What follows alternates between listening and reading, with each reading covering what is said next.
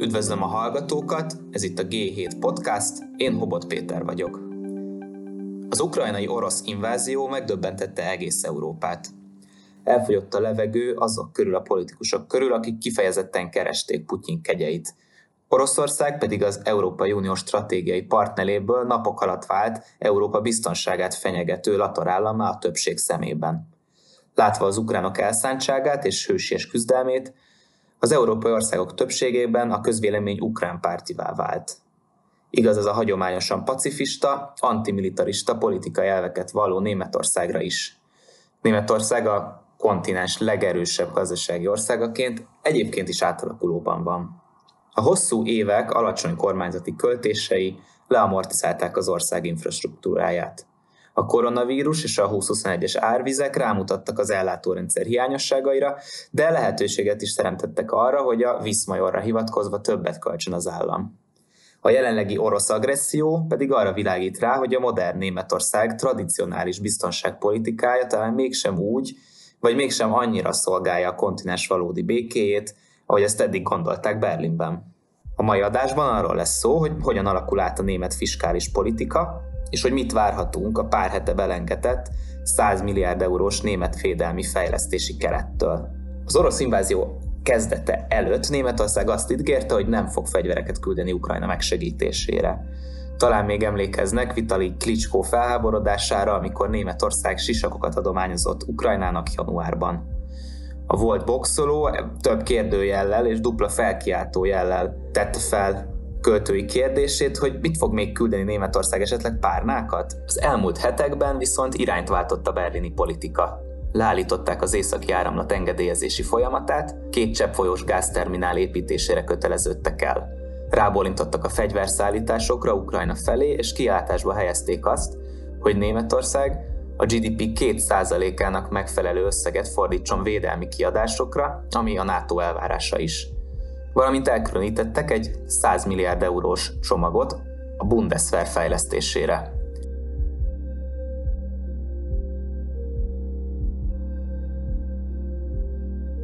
Arról, hogy hogyan változik a német politika hozzáállása az állam szerepvállalásához, Poják Pálmát, a Firenzeri Scola Normale Superiore kutatóját kérdeztem, aki doktori disszertációban Németország példáján keresztül vizsgálja a túlzott megtakarítások destabilizációs hatását. Köszönöm, hogy elfogadtad a meghívást. Én köszönöm a meghívást, Szervusz Péter, üdvözlöm a hallgatókat. Mit jelent a gyakorlatban a német szövetségi államnak az a fiskális szigora? Milyen törvényekről beszélünk általánosságban, és ez hogyan valósul meg a mindennapi életben és a mindennapi politikában? Igen, onnan kezdeném, hogy, hogy ez a fiskális szigor azért elsősorban egy nagyon erős politikai horgony. Tehát igen, vannak, vannak intézményi leképeződései is, amiről szívesen beszélek, de szerintem tényleg azt fontos érteni, hogy ez egy ilyen szimbolikus politikai irányvonal, még egy egy konkrét szimbólum is, ma is van, a híres Schwarze Null, vagyis fekete nulla, balanszban lévő költségvetés. Szerintem ez, ez, ez a fontos, hogy ez egy ilyen népszerű mémesedett valami lett ez a költségvetési balansz, amikor Wolfgang Schäuble, korábbi pénzügyminiszter leköszönt, akkor a kollégái a pénzügyminisztériumban ilyen fekete nulla alakban beálltak egy fotóra, hogy elbúcsúzzanak tőle. Tényleg ilyen erősen ott van a, a közvéleményben. És ez szerintem azért fontos, mert igen, ugye ott vannak, a, ott vannak a, az intézményi korlátok, mint például az, hogy alkotmányban rögzített szabály, hogy az adósságszint nem emelkedhet a GDP 0,35%-ánál jobban évről évre, de emiatt a politikai lelkesedés miatt ezt rendszeresen túl teljesítik a németek, tehát hogy, hogy nem csak fekete nulláról, vagyis balanszról beszélünk, hanem arról, hogy költségvetési többleteket futtatott Németország, nagyjából egy évtizeden, évtizeden át a, a Covid-válság kezdete előtt. Nagyon-nagyon más gazdaságpolitikai irányvonalat vitt, mint a, az amerikai, a brit, a japán gazdaságpolitika, tehát más fejlett országok. Leegyszerűsítve évről évre kevesebbet költöttek, mint amennyi bevételük volt. Ez persze oké, okay, ha például egy ilyen erős konjunktúráról beszélünk, de ők akkor szorítottak meg, amikor a legmélyebb válságban volt az eurozóna, és pont támogatnia kellett volna a költségvetésnek a kilábalást. Szóval ez, ez, ez az a politikai irányvonal, amit például külföldről sokan kritizálnak. A németek viszont ragaszkodnak hozzá. És uh, itt ugye nem csak arról beszélünk, hogy mekkora a folyókiadások szintje, tehát például mekkora, mennyit költenek uh, szociális kiadásokra, munkanélküli segélyre, ilyesmire, hanem például arról, hogy a német állam nem ruház be eleget. Tehát nem, nem költ például a német fiskális politika infrastruktúra fejlesztésre. És ez nagyon komolyan kapcsolódik ez a vita, meg ez az ellentmondás itt a védelmi kiadások növeléséhez. Tehát, hogy ez, ez egy sok éve tartó régi vita már, hogy, hogy a német állam nem költ utakra, meg digitális hálózatokra, a fekete nulla miatt részben, még annyit se költ, hogy fedezze az amortizációt, a választási kampánynak is ez egy nagyon fontos része volt. A digitális szakadék például egy, egy, egy fontos eleme ennek a problémának. Például Európa legerősebb gazdaságában mégis hogy lehet ilyen borzalmas a, a 4G lefedettség hogy Albániának jobban 4G állazata, mint, mint Németországnak. De és erre tök kíváncsi vagyok, hogy mi ennek a belpolitikai oka, hogy ennyire szigorú. Tehát kinek kedvez az, hogy ennyire szigorúan nem költ a, a német állam? én elég radikális vagyok ebben az én kutatásomból, az rajzolódik ki, hogy ez senkinek se jó. Tehát, hogy ez egy politikai, ideológiai berögződés, nagyon komplex politikai, meg ilyen intézményi döntéshozatali okai vannak, de ennek én nekem az az állításom, hogy nem a gazdasági önérdekkövetés az alapja. Tehát ahogy mondtam, ez azért egy 16 évig súlykolt, mondom, ilyen mémesedett politikai üzenet ez a, ez a Schwarze Null, és ez ugye megteremtette azt a helyzetet igazából, hogy ez egy népszerű dolog, és a politikai pártok nem annyira mernek ellene menni. De egyébként ugye a német döntéshozók azért nem ezt mondják, tehát hogy nem akarok itt cinikus lenni, érdemes, érdemes végigmenni azon is, hogy, hogy, hogy szerintük ez, ez, ez emögött mi a, a gazdasági racionálé. Ugye a legfontosabb érv az az, hogy azt mondják, hogy a következő generációk válláról levesszük a terhet, akkor, hogyha itt bőszen adóságot csökkentünk, ezzel nagyon könnyű vitatkozni egyébként, mert tehát, hogy, hogy az elhanyagolt infrastruktúra probléma, amit említettem, az, az, ez tényleg egészen konkrétan a jövő generációk fejére fog ráomlani.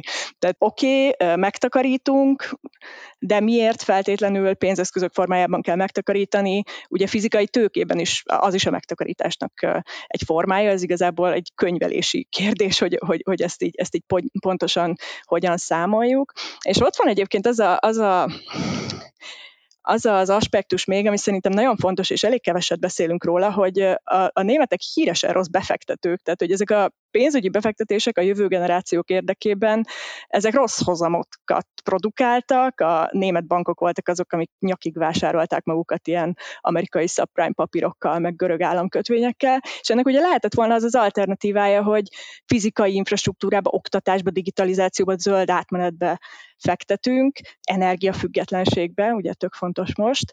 Szóval én, hogyha a német fiatal generáció lennék, akinek az érdekébe ezt elvileg csinálják, akkor lennének azért kérdéseim, hogy pontosan hogy szolgálja ez az érdekeimet. Ez az egyik. És még van, van egyébként a, a szakirodalomnak is egy válasza erre, ami nekem szintén nem meggyőző, de, de azért egy fontos, meg koherens magyarázat, hogy a, az export cégeknek jó lehet a fiskális szigor, mert megakadályozza a reál árfolyam felértékelődését. Itt ugye, hogyha azt elképzeljük, hogy például egy közféra bérnövekedés, ez felnyomná a a magánszféra béreket is, tehát hogy ez az infláció az átgyűrűzne, akkor ez versenyképtelenné tenni az exportőröket. Ezzel nekem az a bajom, hogy egyébként egyrészt az exportlobby képviselői maguk szokták ismételgetni, hogy ők, ők egyébként szeretnének több fiskális költést, hogyha ez a költés ez beruházás formában valósul meg, ugye a jobb infrastruktúra, meg digitális, digitális hálózat az, az nekik is jó lenne. Ja, amit te is említettél, hogy a keletről jövő ilyen szénhidrogén alapú, főleg orosz forrásból származó energiától függőségnek ugye a csökkentése lenne az egyik cél, a másik meg tehát Németországban ugye a zöld átmenet az egy ilyen nagyon hot topic a politikában, és most ugye a koalícióban van is zöld párt. Nem tudom, hogy hogy látod, hogy, hogy itt mik az ilyen politikai törésvonalak, tehát mire lehet számítani, hogy képes lesz-e a, a, a német állam elmenni egy kicsit ilyen nagyobb vonalú költésbe, mondjuk azért, hogy legyen megújuló energiája, kicsit független egyen az orosz befolyástól ilyen szempontból, és valahogy gondolom, hogy a, akár politikai, ugye a koalíció sikeres legyen, tehát a zöldek ne lépjenek mm-hmm. ki ebből a koalícióból. Igen, nagyon jó kérdés, és nagyon nehéz mert mindent, mindent átírt most ez a, ez a, ez a, ez a háborús helyzet, tehát hogy, hogy itt azért tényleg olyan hatalmas mozgások történtek, amire a elemzők, akik, akik évek óta a német politikával foglalkoznak, kevéssé, kevéssé készültek, vagy, vagy nehéz, nehéz volt ezt itt tényleg előre látni. Onnan is látszik, hogy van mozgástér a változásra, hogy, hogy tényleg ez a vita, ez már beindult. Tehát, hogy amikor megkötötték a, a koalíciós szerződést, amikor egyáltalán megegyezett egymással ez a három párt, köztük igen, a, a, a zöldek meg a liberálisok volt egy ilyen kompromisszum, ami, ami kirajzolódott, tehát hogy felmerültek igazából ilyen technikai megoldások arra, hogy oké, okay, hogyan tudnánk egyszerre beruházni például zöld átmenetbe, például infrastruktúrába, de ugyanígy kutatásba, innovációba, stb. És a másik oldalon megtartani az adósságféket, ami meg a liberálisoknak egy, egy fontos prioritásuk. Ezek egyébként nem ideális megoldások, tehát hogy, hogy az összes egy ilyen könyvelési trükközés nagyjából, hogy hogyan tudjuk a saját szabályainkat kiátszani, hogy mégis elérjünk más típusú célokat is. Az első ilyen megoldás az az, hogy nehéz ezt magyarra fordítani, ilyen off-balance sheet pénzalapokat vagy cégeket hoznak létre, olyan pénzalapokat, amik papíron a költségvetésen kívül vannak, és ők bocsátanak ki adósságot. És ez aztán nem számít bele az adósságszabály által korlátozott adósságba. Más kérdés, hogy természetesen akkor tudnak ezek a, a költségvetésen kívüli entitások olcsón adóságot kibocsátani, ha az állam azért valamilyen formában ott áll ezek mögött, tehát hogy attól ez még az államháztartás része lesz, de hogy egy ilyen könyvelési trükkel igazából hogy kivettük az államból. És ez, ez például um, egy olyan megoldás, amin keresztül, ha nem is annyit, amennyit talán szükség lenne, de hogy, hogy, hogy lehet, majd, lehet majd beruházni. És akkor még van pár ilyen szintén nagyon nagyon technikai ötlet, és egyébként ez a védelmi kiadásokra létrehozott alap, ez, ez szintén ugye nem fog beleszámítani az adóságba, szóval kicsit e, talán ennek a gondolkodásnak a, a, a továbbvitele volt.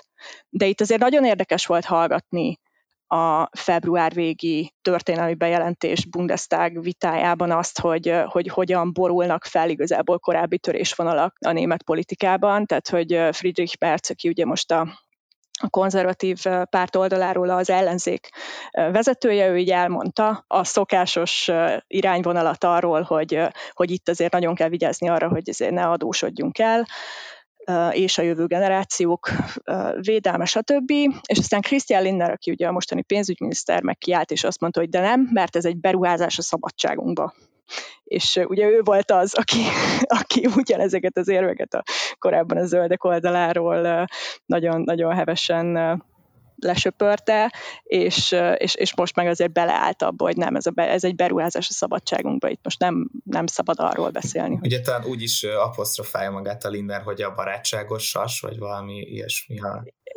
Igen, ez, ez egy európai, ez egy európai uh, vicces uh, epizód volt, hogy egy újságíró megkérdezte tőle, hogy, hogy igen, Linder úr, itt, itt, itt, itt, itt önre uh, többen ilyen félelemmel úgy tekintenek, mint egy, uh, mint egy scary hawk, mint egy félelmetes sas, és akkor Linder ott állt, és akkor gondolkozott egy kicsit, és azt mondta, hogy nem, nem félelmetes sas vagyok, én egy barátságos sas vagyok.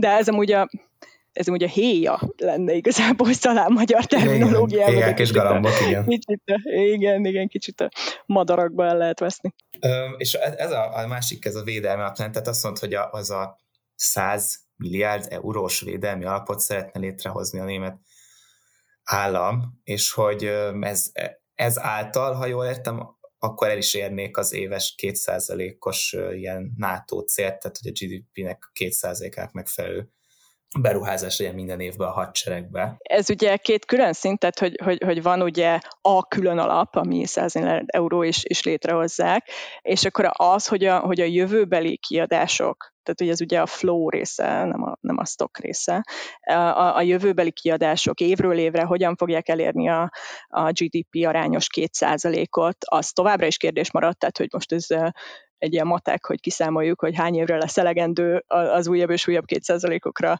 ez az, ez az egy nagy alap, amit, amit, amit most létrehoznak. Tehát ez a De akkor ez több évre elegendő. E, persze, én úgy értem, igen, hogy Miért ennyire nehéz a németeknek letérni az eddigi pályájukról? Ugye azt mondtam, hogy, hogy, ez, hogy ez nem gazdasági önérdekkövetés, amit a németek csinálnak, hanem, hanem inkább egy ilyen politikai magyarázat, az, ami itt fontos, és, és akkor felmerül a kérdés, hogy, hogy akkor miért, miért csinálják mégis. Tehát, hogyha rossz nekik, akkor, akkor miért csinálják mégis. És én kicsit ide kötném vissza, hogy hogy az fontos érteni szerintem a német döntéshozatalról, meg intézményrendszerről, hogy a második világháború után egy olyan politikai intézményrendszert hoztak létre, ami nagyon erős fékekre és ellensúlyokra épül. Tehát, hogy ebben a rendszerben bármilyen irány, irányváltás nagyon nehéz mondtam ezt a több oldalú konszenzus kényszert, ez ugye egy föderális struktúra, tehát hogy a, hogy a szövetségi szint meg a szövetségi államok szintje is tartalmaz ilyen, ilyen rigid költségvetési szabályokat, szóval egy csomó szempontból az a helyzet áll fenn, hogy a szereplők értik a problémát, és szeretnének is vele kezdeni valamit. Itt most beszéljünk zöld beruházásokról, vagy védelmi beruházásokról, de sokszor nem tudnak megegyezni, hogy hogyan költsünk és mire költsünk. És ebből a padhelyzetből sokszor jön ki az, hogy marad a status quo és ez, ez szerintem egy, egy, egy fontos mechanizmus itt a, a, a jövőre nézve, hogy tényleg hogyan fog történni konkrétan a valós események szintjén ez a beruházási boost, amit most, meg, amit, amit most meg, megvalósítani próbálnak. És ami még szerintem fontos a, a német döntéshozatal megértéséhez, és ez a, az én saját kutatásomból kirajzolódó magyarázat, hogy hogy sokszor a, a külföldi kereslet, az exportkereslet az, ami elfedi ennek a fiskális szigornak a, a valós költségeit Németországban.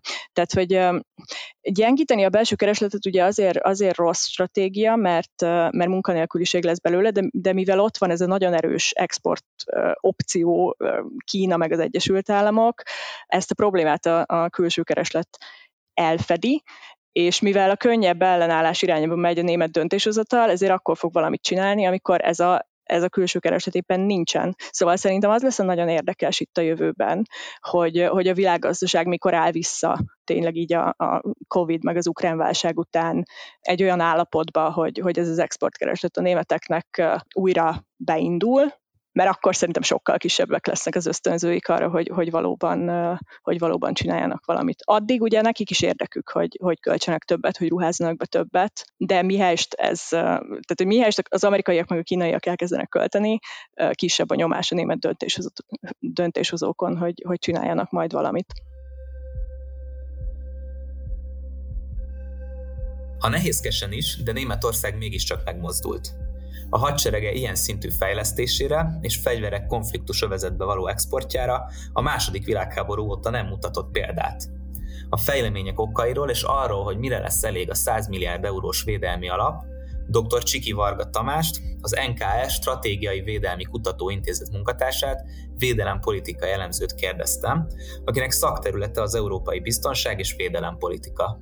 Szervusz Tamás, és köszönöm, hogy elfogadtad a meghívásunkat. Szép kívánok, köszönöm szépen a meghívást. Az első kérdésem az az lenne, hogy hogyan változott a német közvélemény az elmúlt időben, azzal kapcsolatban, hogy a német hadsereget, német védelmi politikára egy kicsit jobban odafigyelnek, német hadsereget fejleszék. Ugye itt a, az egész aktivizálódás során volt egy ilyen vita, hogy Németországnak szabad-e ilyet csinálnia. Egy februári felmérés szerint például kb. a 20%-a támogatta csak a németeknek azt, hogy fegyvereket küldjenek Ukrajnába, tehát ez február 24 előtti adatfelvétel, tehát az orosz invázió kezdete előtt.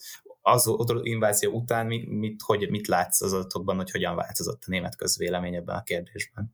Azt érdemes rögtön az elején leszögezni, hogy, hogy valóban trendfordulóhoz értünk a, a német közvélemény, és egyébként a politikai elit esetében is. Kifejezetten sok hatásként írható le az, amit a, az orosz agresszió okozott, és ez nagyon jól látható. Részben azokban az intézkedésekben, amit a, a német kormány hozott, részben pedig az ehhez kapcsolódó társadalmi reakciókhoz.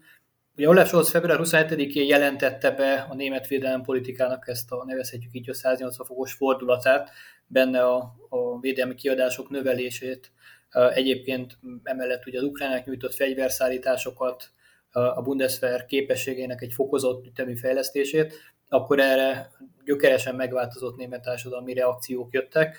Az ukránok nyújtott fegyverszállítást a háború kitörése után néhány nappal már 78% támogatta, tehát bő kétharmados többség, és 68%-os volt a támogatottsága annak is, hogy Németország megerősíti a, katonai jelenlétét a NATO keleti tagállamaiban, tehát a, Baltikumban, Lengyelországban, Romániában, Szlovákiában vannak ilyen előre volt NATO elemek, és összességében azokat az intézkedéseket, amiket hoztak a, a német politikai vezetők, ezt 53% megfelelőnek találta, és 27% pedig még tovább is ment volna ezen a téren. Ugye ebbe bele kell már érteni az európai szankciókat, illetve a német gazdasági szankciókat is.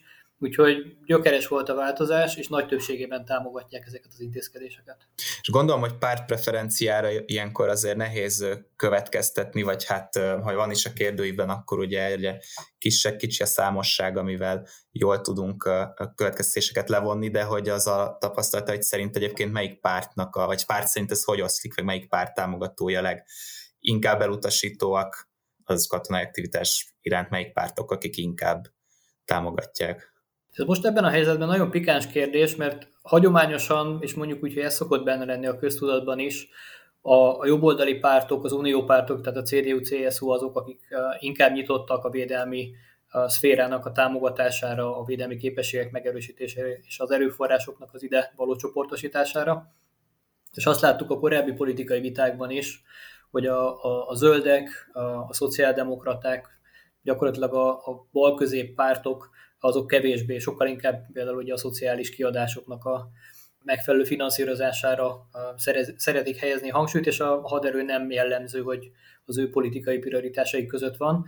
Viszont most ugye az a pikáns helyzet állt elő, hogy egy nagyon drámai külső, a biztonsági környezet romlását jelentő esemény, ugye az orosz agresszió, az pontosan ezt a bal-közép koalíciót mondjuk úgy, hogy kényszerítette bele ebbe a helyzetbe, hiszen ugye ilyen jelzőlámpa koalíciónk van az SPD, a Zöldek és az SD, FPD részvételével, tehát egy kicsit mondjuk úgy, hogy nem, nem a tradicionális forgatókönyvet követik az események, de volt egyébként Németországban ilyenre már példa, amikor a koszovai légiháború zajlott 99-ben, akkor is baloldali kormánya volt Németországnak, és ugyanúgy támogatták a, a NATO-nak a a katonai műveleteit, ami egyébként nem feltétlenül a, a zöldekhez köthető, vagy a, a baloldalhoz köthető agenda volt. Úgyhogy a mostani hát szavazói mintában is egy kicsit ilyen, ilyen vegyes a történet, mivel nagyon nagy többségű, tehát 70-80%-os többségű támogatás, így alapvetően nem lehet azt mondani, hogy, hogy nagyon um, jelentős lenne az ilyen típusú politikai megosztottság. Akiket lehet látni, hogy nyilván ezt sem támogatják, meg egyébként nagyon sok minden nem támogatnának, az a szélső bal és a szélső jobb, tehát a Linke, illetve az AFD. És kilátásba helyeztek egy 100 milliárd eurós védelmi csomagot, védelmi fejlesztés csomagot, amiről még majd folynak viták.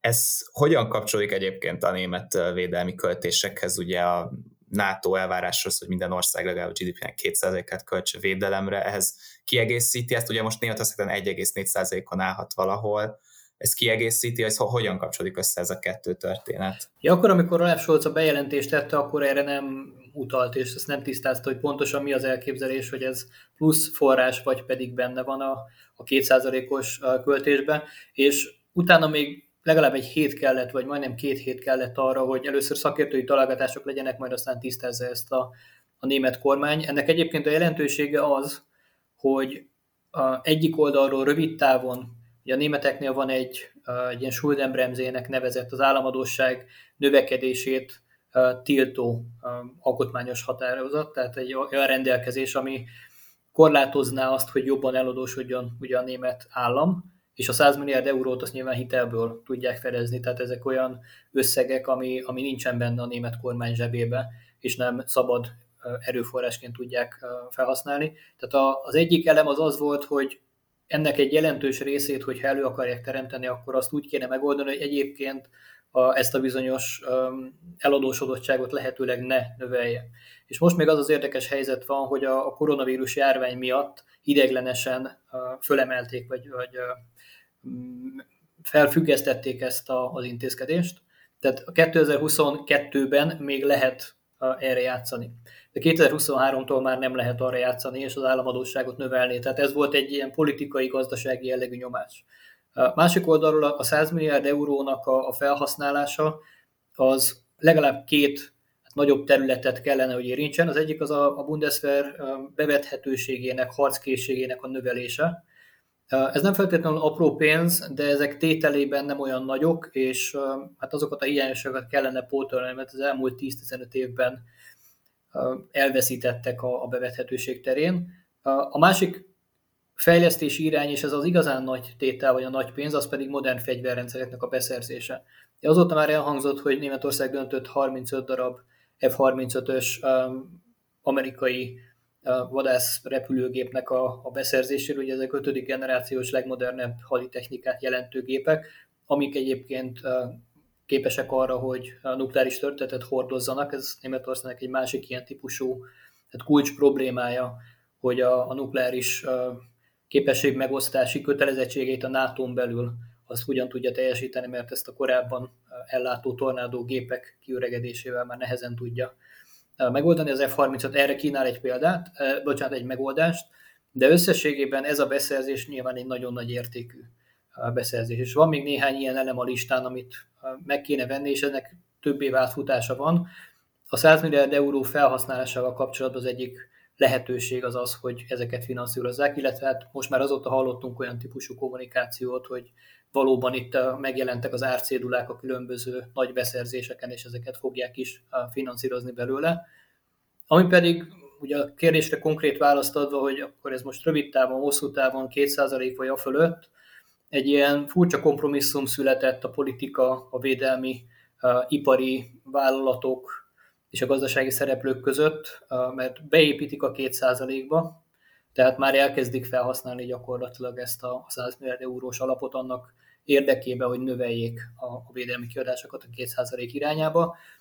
És hát majd meglátjuk, hogy egy ponton ugye ez azt fogja jelenteni, hogy elfogy majd a, két, a 100 milliárdos alap, de továbbra is fent kell tartani a 2%-os arányt, és újabb modernizációs igények lesznek. Tehát, hogy, hogy most akkor azt jelentette, hogy gyorsan születhetnek nagy értékű beszerzésről döntések, de mondjuk három év múlva, öt év múlva, hat év múlva ott fog állni az akkori aktuális német kormány, és akarni fogja a fejét, hogy oké, okay, akkor a következő nagy finanszírozási hullámot azt hogyan fogják biztosítani.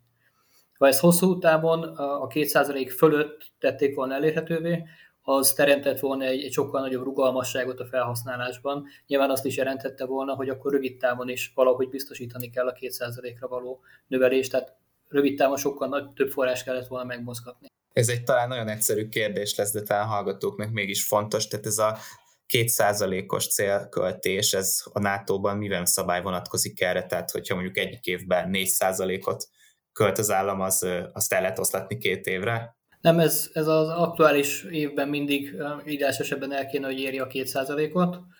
Ezt a NATO a nemzetek adatszolgáltatása alapján szokta regisztrálni, és hát időnként vannak ilyen, ilyen kisebb eltérések, ilyen 0,1% vagy hasonló, mert például a, a NATO beszámítja a katonai nyugdíjakat, nyugdíjellátásokat, a veteránoknak a költségeit adott esetben egy országban, és mondjuk a magyar honvédelmi költségvetést, amikor ezeket összegzik, az például nem tartalmazza ezeket. Tehát lehet, hogy van, ami több, van, ami kevesebb, de ilyen minimális eltérések vannak.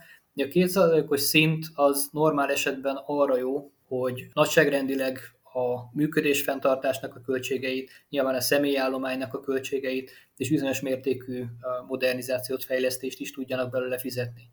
De önmagában az, hogy 2% a, a, a GDP-nek, az még nem feltétlenül garancia semmiféle komoly fejlesztésre, mert ha a, legyen ez mondjuk 100 forint, ha a 100 forintból 80 forintot mi személyi kiadásokra költenénk, tehát bérekre, az azt jelenti, hogy 20 forint marad minden másra, és az nagyon kevés. Az általános nemzetközi, mert mondjuk hogy bölcsesség az azt szokta mondani, hogy egy ilyen 40-30-30 százalékos arány lenne az egészséges, ebből 40 százalék vagy akár 40 forint lenne, ami a, a bérek, a személykiadás. Ez elvileg egy olyan szint, amivel már meg lehet fizetni normálisan a katonákat. 30% lenne a működés fenntartás, ezek a napi szintű dolgok, illetve hát nyilván, ha a műveletekben van a, a haderő, és és 30% kellene arra, hogy fejlesztenek. Most ez az a tétel, ami nagyon sok esetben sok európai államnál nem teljesült, vagy ha Magyarországról beszélünk, mondjuk 2015-16 előtt ez abszolút nem teljesült.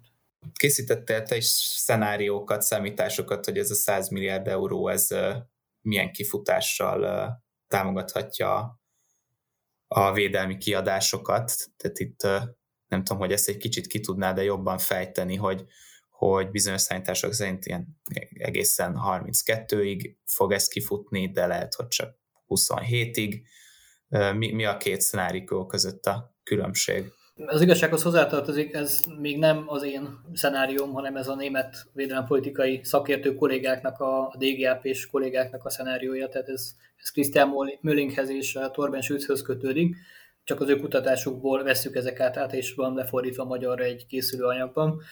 És amire, amire ők rá akartak mutatni, az, az az, amit én is igyekeztem elmagyarázni, hogy ha rövid távon használják föl ezt a, a 100 milliárd eurós alapot, arra, hogy elérjék a 2%-os szintet, tehát nem is a fölött, hanem már beépítve, az például az eladósodottság, az államadóság növelése szempontjából hát egy, egy kompromisszumos megoldást jelent, viszont 5 év után problémát fog okozni, mert 5 év után kell majd nagyot ugrani, amikor ez az alap elfogy. Ha ez jobban el van osztva, és azt mondják, hogy most van egy növelés, mondjuk a GDP 1,4%-a körüli szintről alapból megnövelik a német védelmi kiadást egy hétre, és ott már csak 0,3 marad, amit ki kell pótolni, arra használnak el valamennyit a 100 milliárdos alapból, akkor az ugye hosszabb ideig tart. Az a, az a malasz persely az nem 5 év alatt fog kiürülni, hanem mondjuk 8 év alatt vagy 10 év alatt. És ez azért fontos, mert a, a nagy beszerzések, a nagy modernizációs programok, az F-35-ös, a Eurodrone, a Eurofighter, a legkülönbözőbb dolgok, azok nagyon lassan haladó programok. Tehát ezek a beszerzési programok nem egy-két év alatt valósulnak meg, hanem 8-10-15 év alatt.